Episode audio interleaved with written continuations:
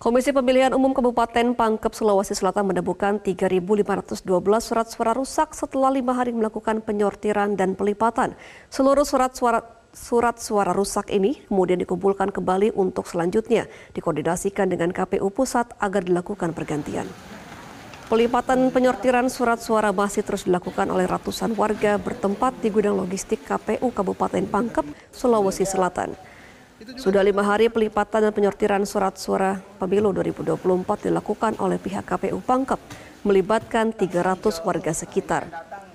Dari hasil penyortiran dan pelipatan surat suara selama lima hari ini, KPU Pangkep menemukan sedikitnya ada 3.242 surat suara mengalami kerusakan. Dengan rincian 362 surat suara Presiden dan Wakil Presiden, 218 surat suara DPD RI, dan 1.627 surat suara DPRD Provinsi dan 1.035 surat suara DPR RI. Ada beberapa kategori kerusakan surat suara yang ditemukan oleh tim penyortir seperti bercak tinta pada kertas, warna surat suara yang tidak sesuai, bahkan terjadi kesobekan pada lipatan kertas.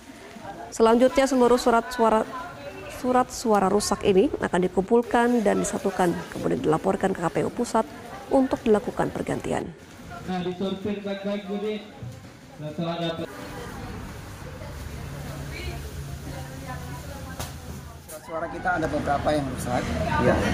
Eh, baik karena mungkin apa? bercak tinta, kemudian ada memang yang sobek, sobek. Dia warna juga ya. Warna juga gitu. Warnanya berubah. Itu jumlahnya yang rusak berapa sih Pak? Jadi rusak di di PPWP itu ada 362 uh, surat suara. Kemudian untuk surat suara DPD itu 218. Kemudian untuk surat suara DPD provinsi itu kita dapat data yang rusak 1627. Kemudian surat suara DPR RI itu yang rusak ada 1035. 1035 yang rusak ini sejak uh, sejak hari yang pertama kemarin sampai kemarin. Jelajahi cara baru mendapatkan informasi. Download Metro TV Extend sekarang.